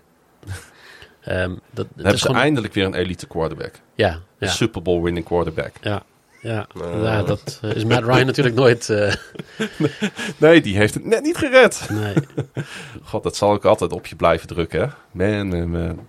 Eh, dat je zo'n Super Bowl verliest. Ongelooflijk natuurlijk. Ja, Ehm, Jonathan Taylor. Hè? De Colts die hebben natuurlijk eh, de regerend rushing champion in hun team. Die eh, eh, zijn werk kan doen van achter. Ik denk toch echt een prima offensive line. Eh. Hij had een heel dominant seizoen. Werd de jongste speler met 2000 yards from scrimmage en 20 touchdowns. Ja. Hij evenaarde een NFL-record met acht op één volgende wedstrijden met 100 yards from scrimmage en minimaal één touchdown. En ehm, hij zette Colts records neer voor rushing yards en rushing touchdowns in één seizoen. Maar misschien wel zijn meest indrukwekkende statistiek. Taylor noteerde afgelopen seizoen 1272 yards after contact. Ja. En alleen al met die yards zou hij de NFL aangevoerd hebben. ja, omdat Derrick Henry natuurlijk een half seizoen geblesseerd was. I know, maar er zijn meer running backs. Nick Chubb van de Browns had 1259 total rushing yards. Total rushing yards. En eindigde in de NFL rushing race 552 yards achter Taylor. Ja, ja, Het gat is bijna nog nooit zo groot geweest in de NFL. dat klopt. Eh, zegt dit wat over de running back room en de rol van de running back in het algemeen in de NFL? Of zegt het vooral wat over Jonathan Taylor? Poeh, we hebben al jaren de discussie hoe het met running back zit. Ja. Eh, kijk, ehm, als je alleen maar naar de AFC South kijkt, je hebt met Derrick Henry heb je natuurlijk een, een powerhouse eh, eh, een- achter de quarterback staan. Maar James Robinson was een undrafted free agent bij de Jaguars, die ook gewoon 1400 yards pakt of zoiets, 1350. En ja, ik denk dat dat ook een beetje laat zien dat eigenlijk zijn running backs verwisselbaar met elkaar. Inwisselbaar zeggen we inderdaad. eh, dat is- iets wat we vaak roepen. Klinkt een beetje naar. Naar running backs toe natuurlijk. Ja, maar, als, het- als ja. jij een heel goed playbook hebt en je hebt een goede interior run eh, lane die je kan creëren, Ja. kun je heel ver komen. Dat is heel simpel gesteld dit. Ja, ja maar, maar, maar het is wel zo. En ik denk dat, dat is ook een beetje wat ik bedoel met de line is niet perfect. De line is eigenlijk best zwak. Maar de line doet wat het moet doen. Ja. Ehm, ze kunnen waarschijnlijk meer doen voor Jonathan Taylor dan dat ze kunnen doen voor Matt Ryan. Dit is natuurlijk. Kijk, en als we dit zo simpel zouden zeggen, dan zouden dus al die 32 NFL-teams goed moeten zijn. Maar dit is natuurlijk hoe je een team eh, bouwt op basis van hun kwaliteiten. En dan haal ik nog een keer weer, ik heb ze al eerder genoemd, de Chicago Bears erbij. Die natuurlijk met, met Nagy een coach hadden die alleen maar zijn eigen plan uitvoerde, Ja. alleen maar zijn eigen visie probeerde uit te voeren. In plaats van dat hij keek naar welke spelers heb ik en wat kunnen zij het beste. Eens. Eh, hoe, hoe kan het dat we nog steeds teams zien die eh, coaches hebben die totaal eh, niet kijken naar het spelersmateriaal wat ze hebben? Tegenover teams zoals bijvoorbeeld de Indianapolis Colts die zeggen: Oké, hier ligt onze kracht, hier gaan we ons op focussen en dan gaan we de playoffs mee halen. Ja, omdat je eigenaars hebt die nog steeds dit soort coaches aannemen. En als je gaat kijken naar de goede teams in de NFL nu. Nou ja, weet je, nu even niet. Maar Pittsburgh met Tomlin hebben echt een risico genomen voor een jonge coach die echt een hele verandering heeft doorgebracht. Sean McVay, precies hetzelfde. Ja. De- er zijn veel meer coaches die het snappen, die ook op basis van data werken. Ja. En dan haal je Lovie Smith, je haalt, weet je, je haalt de, de oude garde aan eh, de Doug Maroons van deze wereld, de Gus Bradleys. eh, eh, ja, we kunnen ze zo'n beetje wel afgaan. Ja. Ehm, die, worden, die herbruiken. Marvin Jones eh, is ook iemand die heel erg om bekend staat om naar een nieuw team te gaan. En dan het hele roster om te gooien naar iets wat voor hem gaat werken. Ja. En wordt hij halverwege het seizoen ontslagen. En dan brengen ze weer een nieuwe coach erin die weer alles gaat omgooien. Is Het ook een beetje, is een beetje het probleem ook wat we met O'Connell hadden bij de Vikings. Die natuurlijk van de Sean McVay tree Ja. komt. Hè, de Vikings proberen nu vruchten te plukken van de Sean McVay boom. En O'Connell gaat daar proberen om, een, om RAM schemes eh, te implementeren in Minneapolis. Ja, dat gaat natuurlijk niet werken. Nee, en el- elk jaar van 3-4 naar 4-3 verdedigingen. Ja. Dan weer een nickel verdediging. We hebben eh, West Coast offense gezien eh, op een gegeven moment in Jacksonville. Met, met spelers die nooit een West Coast offense konden uitvoeren. Dus ja, dat moet je gewoon niet doen. Je moet echt kijken. Deze offensive line is gewoon een running offensive line. Ja. Hartstikke jammer voor Matt Ryan. Die gaat niet dezelfde aantal passes krijgen als dat hij altijd in Atlanta kreeg. Maar dat is prima, want hij is ook 37. Hij Exact. moet realiseren, des te minder dat ik aan de bal kom, des te meer kansen we hebben om de playoffs Hij te heeft halen. twee guards nodig om zijn armen omhoog te houden. Ja, nou ja, dat. Ja. Ja. Eh, Michael Pittman Jr. Ik denk een hele betrouwbare wide receiver number one. Ja. En inderdaad, ik zeg de defense is misschien wel underrated. Jij zegt het misschien wel de beste, maar ik denk dat heel veel mensen niet doorhebben hoe goed de defense van de Colts is. Ehm, al moeten ze het natuurlijk dit jaar wel doen zonder Vloes. De Ja. defensive coordinator Matt Eberflus, die natuurlijk headcoach is geworden van de Chicago Bears. Ehm, ja, eh, al met al kan je natuurlijk niet zeggen dat eh, Chris Ballard, de general manager, ik denk een, one of the best in the game, en eh headcoach Frank Reich een knakenorganisatie hebben neergezet de afgelopen jaren. Hadden zij niet, eh, zat ik te denken, Russell Wilson moeten najagen? Mm, ja, misschien. Maar ja, ik weet niet hoeveel... Ik heb een beetje Broncos vibe bij hun, die, waarvan we al hebben gezegd, die zijn jarenlang zijn die één goede quarterback verwijderd geweest van een goed playoff team zijn. Ik heb dat gevoel ook heel sterk bij de Colts. Ik denk dat de Colts een keer mas moeten hebben eh, dat zij een wide receiver ach, of een quarterback achter Matt Ryan hebben die dat zeg maar gewoon eh, zo gaat doen. Maar het is hun focus niet. Hun focus is eigenlijk om, om nou, dat zeg je niet met 30 miljoen op voor Matt Ryan, maar die, die, kan, die ben je zo weer kwijt. Terwijl als jij nu in Russell Wilson gaat investeren, investeer je in hem voor vijf jaar. Ja. Dan investeer je of in 50 miljoen aan dead cap, of je investeert in heel veel geld voor die positie. En Ja. met Matt Ryan heb je in principe een tussenoplossing. De, de- deze verdediging gaat je al 7, 8 wins geven. Want je hebt Quiddy Pay, de Force Buckner, die eigenlijk allemaal heel goed eh, rond die edge kunnen zitten. En je voegt met Ngakwe iemand toe die eigenlijk alleen maar een speed rusher is. En dat is precies wat de Colts Ja. nodig hebben. Ja. Want hij, hoeft, hij moest niks aan, tegen de run heb je niks aan hem. die, hij, als, hij, als hij een running play ziet, dan, dan houdt hij al op. Ja. Dan, hij, hij doet geen eens mee aan de play. En dat, dat hoeft ook niet, want met Buckner heb je iemand die eigenlijk altijd die rol gaat spelen, waardoor Ngakwe elke, elke play gewoon het heel lastig kan gaan maken voor die O-line van, eh, van de tegenstander. En dan heb je daarachter heb je Shaquille Leonard staan, je hebt uh, Okereke staan en dan heb je, ik denk, nou ja, misschien wel de, de, de beste secondary in de NFL. Met Steven Gilmore, die nog ineens de, de eerste cornerback is. De beste Nee. quarterback over de afgelopen vijf jaar zo'n beetje. Die niet de eerste cornerback is, want er staat gewoon eh, Kenny Moore. Eh, ze hebben eh, McLeod en eh, Cross toegevoegd eh, in de safety department. Ja, en Verkaisen. Ja. Ja, Brandon. Ja, dat is ongelooflijk. Weet je, dat, dit is gewoon zo'n team wat het verdedigend gewijs gewoon goed is opgezet. En die offensive eigenlijk met de run al een beetje zoals de Ravens en zoals de eh, Steelers dat heel vaak gedaan hebben. Die kunnen Ja. ze al heel veel mee doen. En dan is Madi Ice is eigenlijk een beetje de soort wildcard. Of hij het heel goed gaat doen of niet. Ik denk dat er één grote focus is. Eh, de Colts willen het beter doen eh, met de quarterback interceptions. Alleen noteerde Ryan er de afgelopen drie jaar 37. Ja. onder erbarmelijke omstandigheden. O-line is natuurlijk beter gebouwd. Dat hebben we geconstateerd voor run block dan voor pass protection. Ja. Maar hij komt wel echt in een veel betere situatie terecht dan in het Atlanta natuurlijk. Ehm, ik denk dat het voor de divisiewinst zal gaan tussen de Colts en de Titans. Ik denk dat we daar eh, niet zoveel discussie over te voeren. Bet MGM heeft Colts nu op 9,5 staan. Ja. Eh, dat zegt nog niet zo heel veel natuurlijk. Ehm, maar ik denk dat we eh, moeten oppassen dat we niet voorbij gaan aan de Colts dit jaar. Ik, ik denk dat, dat die rond die playoff picture sowieso eh, gaan zitten.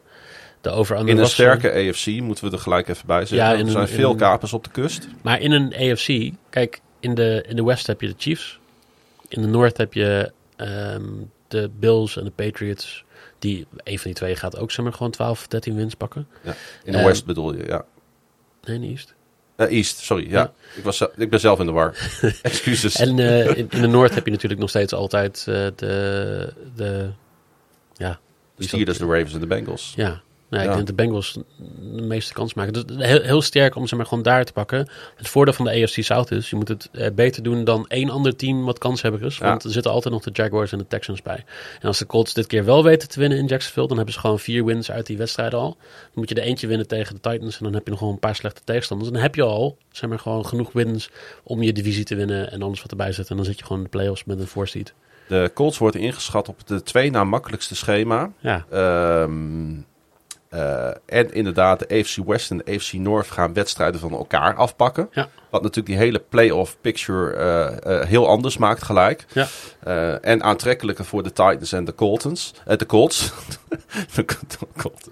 de eh, zijn ze zelfs de Colts een favoriet voor de number one seed? Zoals de. Titans dat vorig jaar gedaan hebben. Want in deze conference kun je dus op een hele gekke manier die number one seed pakken. Ja, maar de Titans hadden vorig jaar een hele rare situatie. Was ook uitzonderlijk boven voor overgepresteerd. Ja, Ik denk niet dat de Colts dat gaan doen. Ik denk dat de Colts ook helemaal niet geïnteresseerd zijn om elke week risico te lopen. Ik denk dat dit een, een team is die zichzelf wil ontwikkelen, playoff als doel. En Tennessee eigenlijk vorig jaar ehm, het heel goed gedaan in het reguliere seizoen. Te veel hun standaard of hun starters gebruikt. Ja. En in de playoffs hadden ze niks meer over. dat klopt. Dat hebben we allemaal gezien. Dat Dus- was vrij triest. Ja, dus Ja. laten we gewoon kijken of de Colts inderdaad gewoon gezond en met een goede balans naar de playoffs kunnen gaan. En dan kunnen ze misschien 1, 2 rondes verder komen. Ja. Ander scenario is natuurlijk dat eh, Jonathan Taylor een running back is. En die kan geblesseerd raken. Ja. Philip Lindsay, eh, zijn naam viel al leven. Die in de offseason kwam, is natuurlijk een hele capabele back. Ja. Maar uiteindelijk geen back, stel dat Taylor geblesseerd is, die de aanval kan dragen. Maar dat zeggen we net, alles is inwisselbaar. Dus je kan zelfs zeggen dat een Nyheim Hines, die, Ik die vind zou- Taylor wel echt van buitencategorie. eh, Als het gaat om running backs. met, met zo'n kleine sample set data. Ja, dat klopt. Dus weet je, dat, dat, je weet niet of die het tweede seizoen... Kijk, als, als defensive coordinators een, een, iets hebben gevonden waar ze mee kunnen eh, ehm, tegenhouden... dan kunnen opeens alle andere defensive coordinators hem ook tegenhouden. En dan heb je opeens niks meer aan zo'n buitencategorie persoon. Dus Zo, zoals bijvoorbeeld de Ravens lieten zien eh, dat ze een oplossing voor, eh, voor Derrick Henry hadden gevonden in die playoff game. ja, Ja. En, en toen kon iedereen opeens zeg maar gewoon wel... Nou, je, moet- je moet wel iets in je team hebben waardoor je een Mm. andere speler kan opvangen. Maar ja, dat is wel de manier om het te doen. Dus Vorig jaar waren de Colts 9-8. Misten ze natuurlijk op beschamende wijze de playoffs. En op ja, dit specifieke moment is het natuurlijk nog geen bewijs dat Ryan beter is dan Wentz. Nee. Dus ja, het kan natuurlijk het volgende gemiddelde 8-9-9-8 seizoen voor de Colts worden. Ja. Eh, het, kan ook, het kan ook iets tegenvallen, het kan ook iets meevallen. eh, zeker gezien hun schema, want ik, dat moeten we wel in, eh, in, Ja. in overweging meenemen. Dus je mag het zeggen, de voorspelling voor de Indianapolis Colts voor dit seizoen. ik vind het wel fijn dat de eh, over-under op 9,5 staat. Want de over-under stond op 10. En om de Colts 11 winst te geven vind ik dat weer lastig. Ehm 10 halen ze wel. Oké, 10 wins voor de Indianapolis Colts. Colts is cold here. Yeah, I, I'm also thinking about 10 wins for the Colts this year. I'm gonna put them on 11. Oké. And why I'm gonna put them on ele- 11, we're gonna talk about the Tennessee Titans. Alright. Okay. Twee thuisoverwinningen scheiden de Titans van het spelen van een Super Bowl. Goed uitgerust en met Derrick Henry terug kon het eigenlijk niet misgaan voor het team uit Nashville. Nou ja, ze zaten in een geweldige uitgangspositie. En toen verloren ze met 19-16 van de Cincinnati Bengals in de divisional round. Ze zullen er in Nashville nog wel eens wakker van worden. Het is een litteken die ze dit seizoen weer weg moeten spelen. Maar hun offseason gaf nog niet heel veel reden tot vreugde. Ja, meest opvallende was natuurlijk die trade hè, van AJ Brown naar de Philadelphia Eagles. De Titans hadden geen zin te voldoen aan de contracteisen die Brown stelde. En ze vervingen hem in de draft met eh Traylon Burks. Maar toch, het is nogal wat om pardoes afscheid te nemen van een top 10 receiver die nog 25 moest worden. Hun financiële landschap voor eh, receivers veranderde dit jaar natuurlijk behoorlijk. En de Titans hadden domweg geen zin om daaraan mee te doen. Daar leek het een beetje op. Ehm, Brown tekende natuurlijk uiteindelijk voor vier jaar een 100 miljoen bij de Philadelphia Eagles. Wat ook wel aangeeft hè, waar de Titans tegenaan liepen. Maar het is wel een significant verlies voor Tennessee dat ook nog maar moet afwachten hoe goed hun star running back is. En of hij een volledig seizoen fit kan blijven. Ik zie op dit moment iets meer vraagtekens bij dit team dan dat ik overtuigd ben van wat ze gaan doen. Ja, ik, ik had het vorig jaar heel fout. Ik zei dat de Titans de teleurstelling zouden zijn van eh, de AFC South. Eh, niks was minder waar. Maar ik had wel eigenlijk gelijk over heel veel van de onderdelen van, eh, van hoe. Wij zeiden eigenlijk allemaal dat Derrick Henry te veel touches krijgt tijdens de wedstrijd. En dat hij eigenlijk met die blessuregevoeligheid gewoon... ehm, ja, dat de Titans een andere oplossing moeten vinden dan Derrick Henry. Ja. Ehm, Ryan Tannehill, heb ik aangegeven vorig, jaar, vorig seizoen ook, is eigenlijk de key man. Want als Ryan Tannehill goed is, dan is hij heel goed is. Als die playoff Ryan Tannehill is, eh, het hele seizoen, dan pakken ze maar vijf, zes eh, overwinningen. Want ja, wie hebben ze eigenlijk rondlopen daar verder? Eh, Je hebt, nu heb je Robert Woods als je nummer één wide receiver, buiten dan eh Traylon Burks, die natuurlijk ja, een hartstikke groot talent uit college komt. Ja. Austin Hooper, eh, Jeff Swaim werkt als alles positief werkt. Happy Flow werkt alles hartstikke goed. Maar als jij opeens wedstrijden gaat verliezen, wie is dan Jeff Swaim? Wie, wie is eh Jamarco Jones of een Nate Davis op, op de O-line? Het is niks. Dus Nee. als die niet in een goede flow zitten, en ik denk dat de teleurstelling van vorig jaar de playoffs, dit team sowieso drie, vier wins gaat kosten. Nou, Ze hebben natuurlijk al jaren problemen met hun lines. Eh, ze outscoorden hun tegenstanders vorig jaar met 65 punten. Wat als je het omzet naar zegens, hun win total op 10 neerzet. Twee zegens onder hun echte record. Ja. En Football Outsiders DVOA rankte de Titans van afgelopen jaar zelfs als 20ste team in de NFL. Ja. Dus er is iets onverklaarbaars eigenlijk gebeurd in, eh, in Tennessee afgelopen jaar. Het gebeurt elk jaar, hè? In elke Ja. sport heb je gewoon op een gegeven moment... eh, Er zijn een eh, paar outliers. Ja, een, een Leicester-achtig seizoen had, eh, had, hadden de Titans eh, vorig jaar. En eh, ja, ik denk dat dat gewoon heel belangrijk is. Dat mensen wel realiseren van een record van wat, 12 van 5. Ja.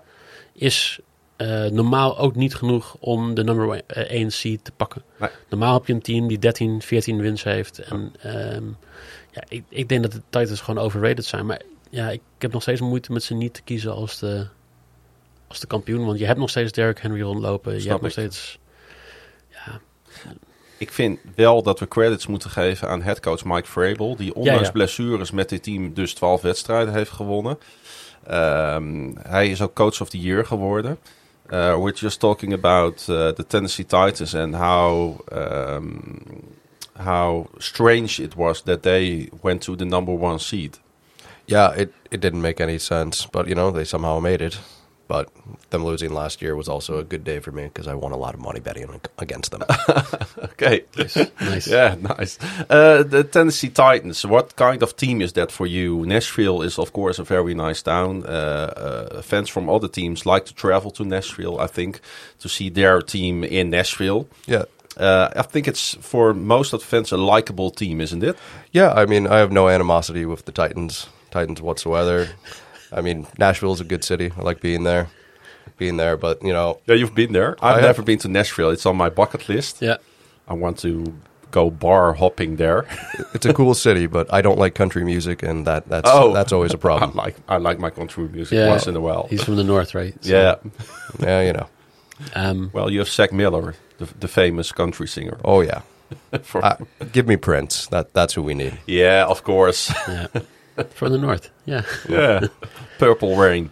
Um, uh, uh, Tennessee Titans, even nog los van waar we het over gaan hebben. Wat voor team vind je dat? Wat voor franchise vind je dat? Nou ja, ik ben wat meer subjectief. Want ik heb wel echt een, een hekel aan, de, aan de Titans. Mm. Dat is natuurlijk een, een, ja, eigenlijk wel de grote rivaal van de Jaguars de afgelopen 20 jaar. Ja.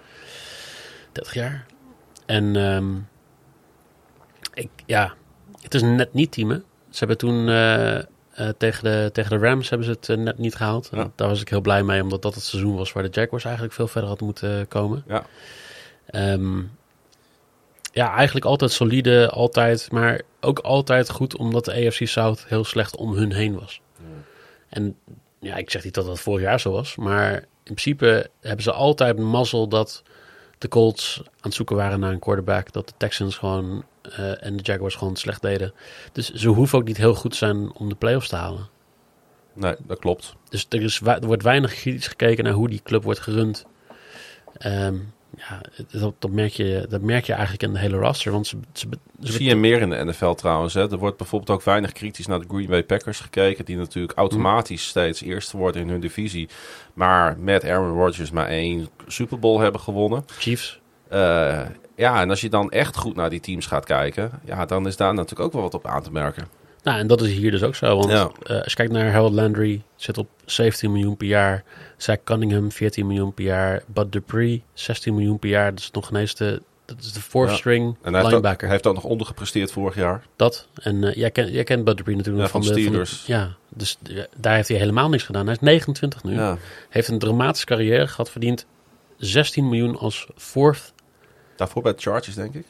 Um, daarvoor heeft hij nog bij de Bears gezeten, toch? Oh, ja. Is niet. Als in zijn rookie jaren. Maar dat, dat zijn hele hoge bedragen. Uh, ze betalen 3,5 miljoen per jaar voor een punter.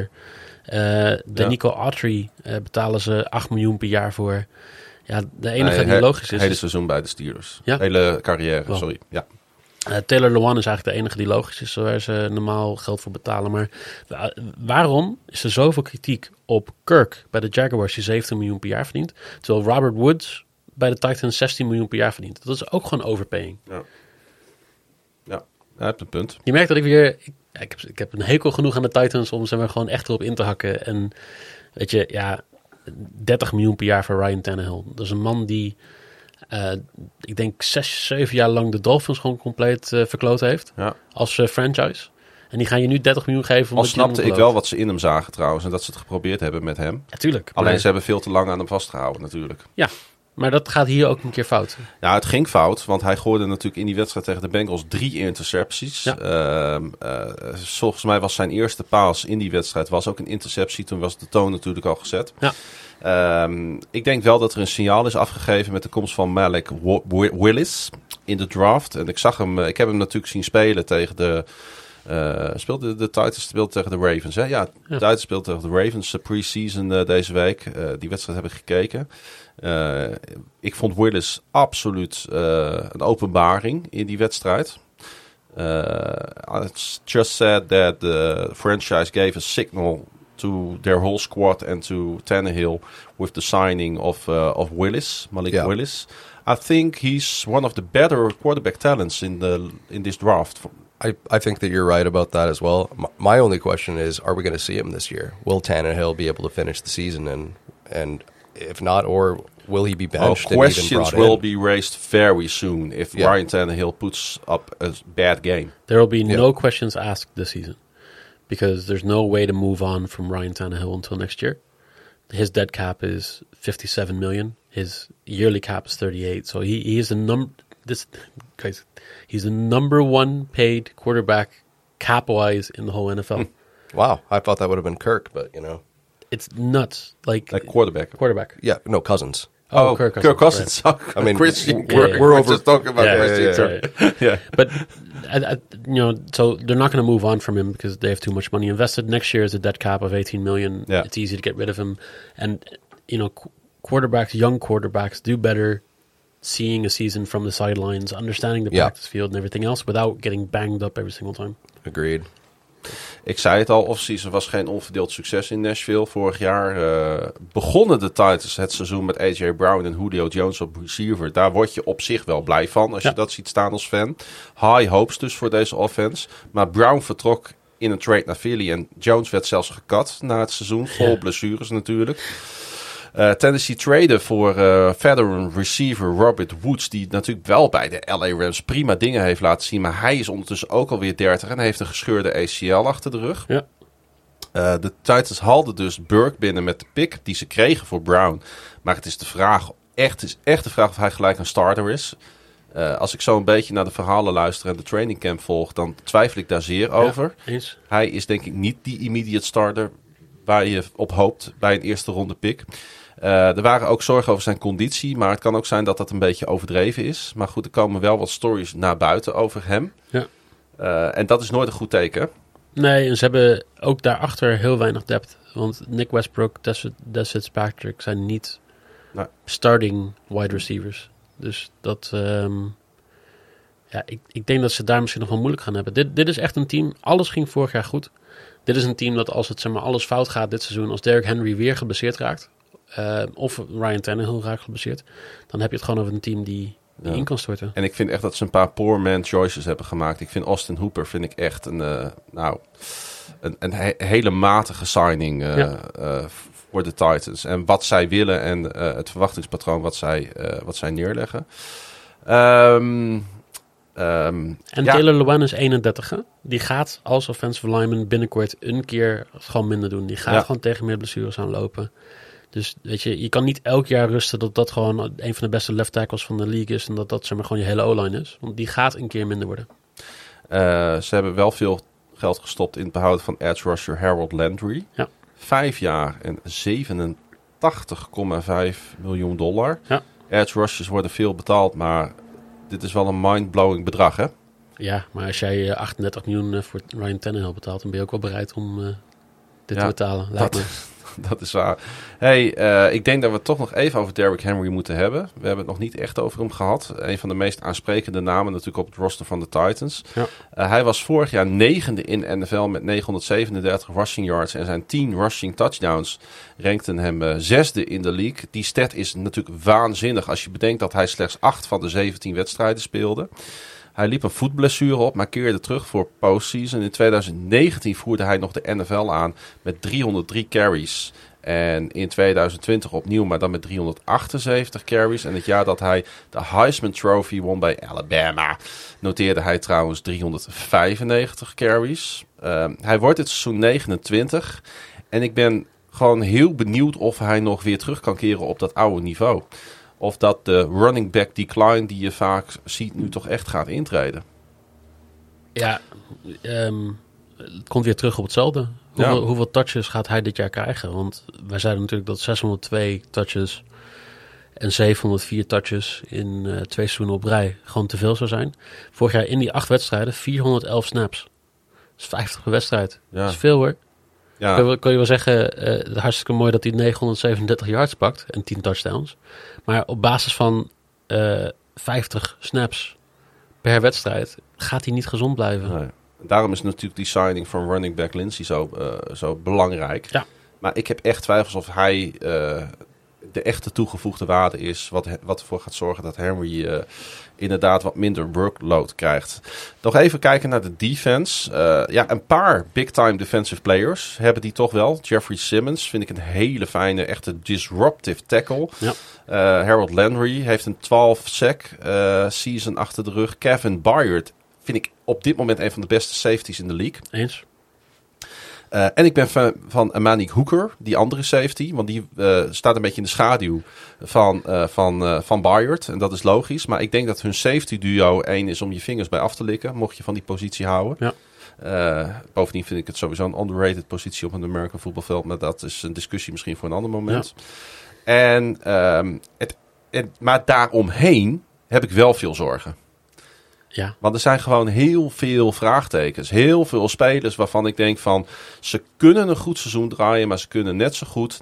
wat ze vaker hebben laten zien... het matige seizoen draaien... voor veel te veel geld. De Titans gaan twee wedstrijden verliezen tegen de Colts. Want de Colts zijn Dat denk ik ook. op zo'n manier opgezet om zeg maar, de lange bal te kunnen gaan eh, spelen. Eh, en dan heb je tegen redelijk matige cornerbacks als Farley en, en Fulton heb je echt wel een, eh, een goede matchup Ja. te pakken.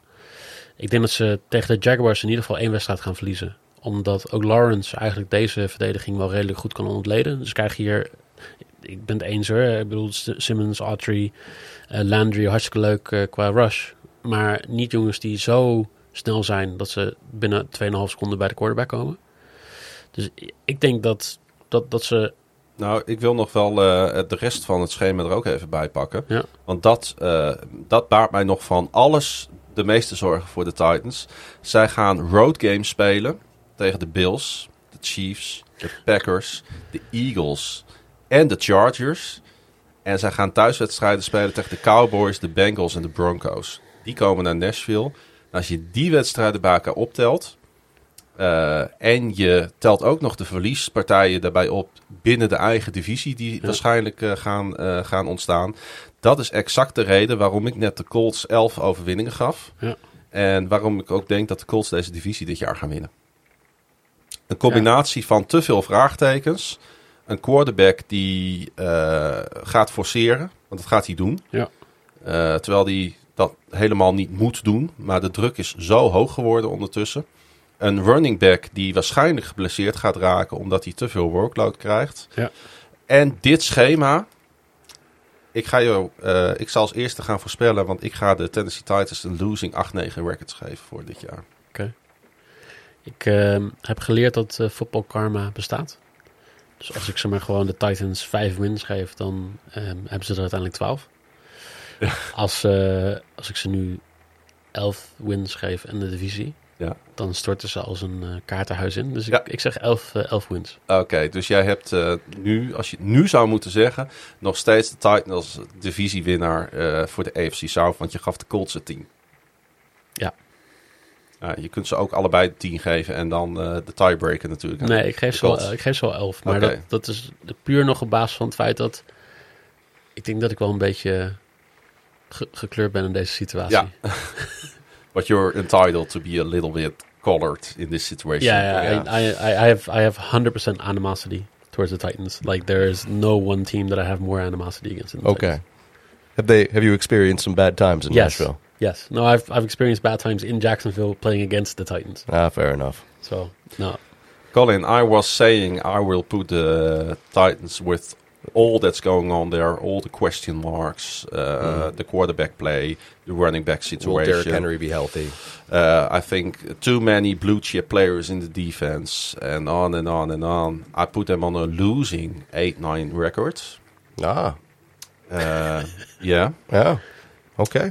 And that's why I said that's why I put the Colts up by uh, by uh, by a three four games for winning this uh, uh, division. What is your take? So my take is I'm I'm thinking nine wins. I think the Colts somehow beat them as a surprise, surprise uh, the first time that they play, and then they'll. I think they can hold uh, over the tiebreaker. I could be wrong, but if Derrick Henry plays more than seven games like he did last year, you know, it could have a ceiling of eleven wins. But I still think the Colts are going to be the AFC champion. De astroloog die trekt uw horoscoop. Een ander die voorspelt uw levensloop. Met koffie, dik of kaarten in een donker hol. Maar ik zelf prefereer toch een glazen bol. Ja, ik moest er me toch nog even ingooien. Ons eh, heerlijk voorspellingsliedje. Eh, want, omdat jullie te gast zijn, because you are guests, I want to hear your Super Bowl prediction for this season. Ooh, I mean, come on. It's going to happen this year. It's going to finally happen. No, it's not going to I know it's not going to happen. happen. No, I think the Bengals are going to be good again. I think they're going to get close. Close. I mean, Green Bay. I mean, I think this year might just have to be their year because I don't think if if it doesn't happen this year, I don't think it will happen for another twenty or thirty years for them. It won't happen this year for the Green Bay Packers, I can tell you. I, I hope not. There's nothing more than I hate hate than having to see them hoist a trophy. What is your Super Bowl prediction? Uh, my Super Bowl prediction, I'm going to go with.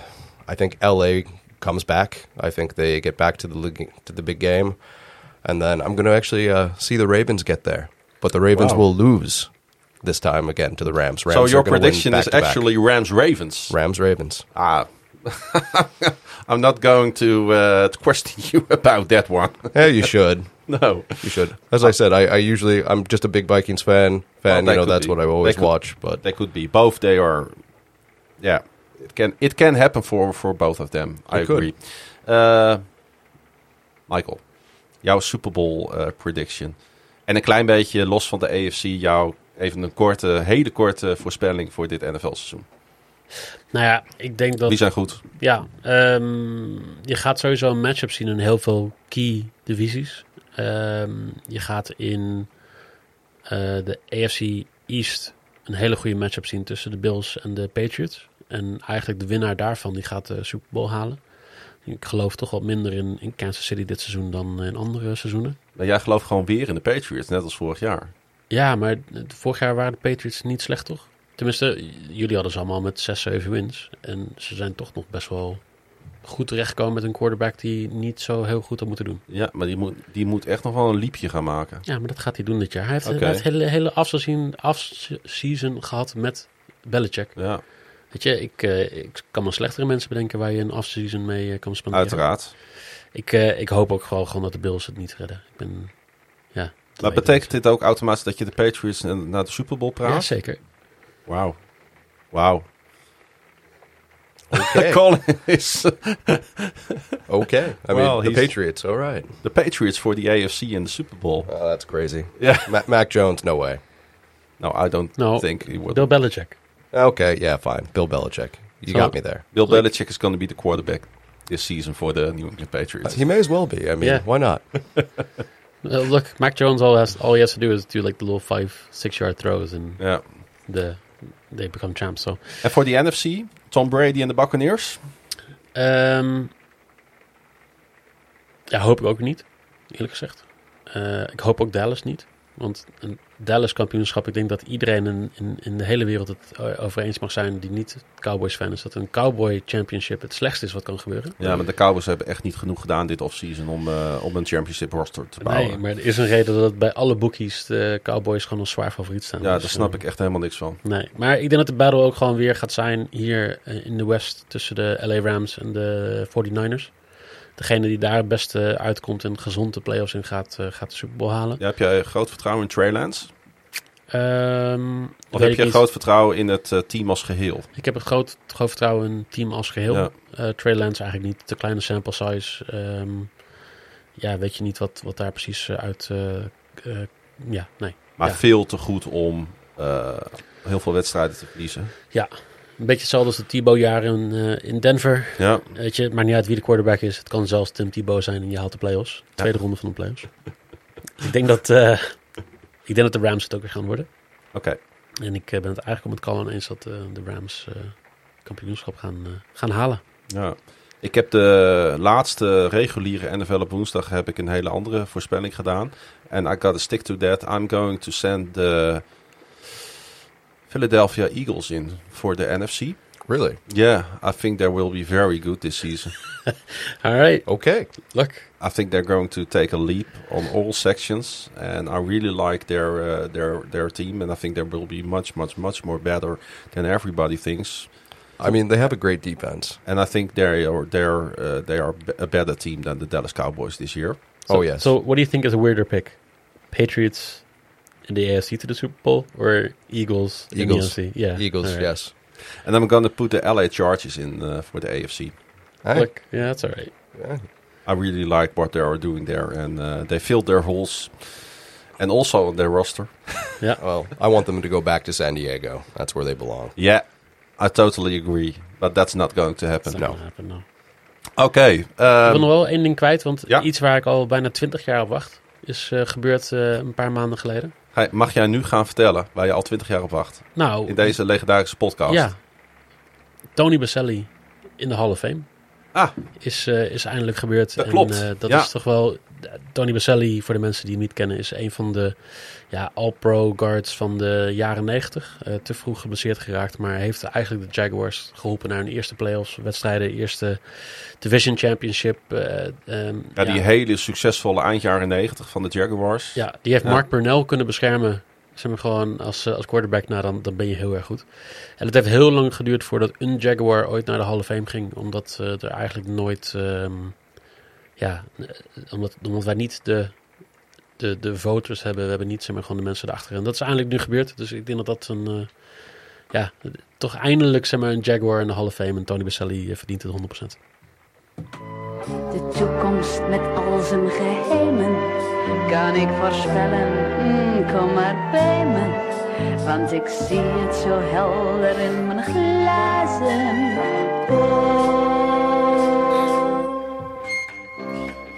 Zet deze podcast erop. Ehm, ik vond het heel gezellig. We hebben ook. veel besproken. En eh, ik merk dat ik per eh, podcast ook weer meer zin in de NFL krijg. Absoluut. En om toch een beetje dieper op die teams in te gaan, kijkt ook gewoon veel lekkerder. Met een beetje knowledge is de NFL toch wel heel veel fijner om te kijken. Ja. Hey, eh, bedankt voor jouw komst naar Groningen. Ja, dankjewel dan. Dat. Ontzettend gewaardeerd, want het is niet vanzelfsprekend dat iemand even in zijn auto stapt en naar Groningen komt. Dus eh, super dat je er was. En ik stel voor dat we elkaar eens een keer opzoeken dit seizoen bij Zwolle. Lijkt me leuk. En eh, misschien zelfs eens een keer een eh, NFL-avondje of zo eh, kunnen plannen. Ik wil ook wel naar Groningen mee, hoor, als je een keer een kaartje over hebt. Ja, die hebben we altijd wel over. Ja. Altijd genoeg seizoenkaarten, net als bij jullie groep. eh. Precies. Eh, Colin, thanks. Yeah, thank you. It Oh, was what- uh, great to be here. I wish you a very, very good time here in the Netherlands. And of course, uh, a lot of fun and love at the wedding. Of course, it's going to be a great time. I think so, yeah. With a great Babs. Yeah, you're the pops. I'm the, I'm the Babs. Ja. I'm Babs Jan. Ja. Not Klaas Jan, but Babs Jan. Eh, iedereen bedankt voor het luisteren naar eh, NFL op woensdag. Eh, wil je ons nou volgen? Dat kan natuurlijk op de social media. Twitter, Instagram, Facebook zijn we op te vinden. Het NFL op woensdag. En wil je ons steunen? Dat mag ook. Met een paar eurotjes in de maand. Dat kan via nflopwoensdag.nl. Dan kom je op onze petje.af pagina. En nou, ja, mocht je nou financieel willen waarderen wat wij maken, dan eh, kun je daar een kleine donatie doen. Kunnen wij deze mooie producties blijven maken. Eh, volgende aflevering eh, komt over een paar dagen online. En ik ben even kwijt welke dat, welke dat is. Kijken of ik dat nog binnen het eh outrootje kan opzoeken. Ik heb nog eh, 20 seconden. Even kijken naar het schema. Dat zal ehm, eh, de AFC North worden. Dat wordt onze volgende preview. Leuk. Die ga ik met Frank doen. Leuk. Ja, dus dat wordt eh, de volgende preview show. Iedereen bedankt voor het luisteren naar NFL op woensdag. Seizoen 3, aflevering 10.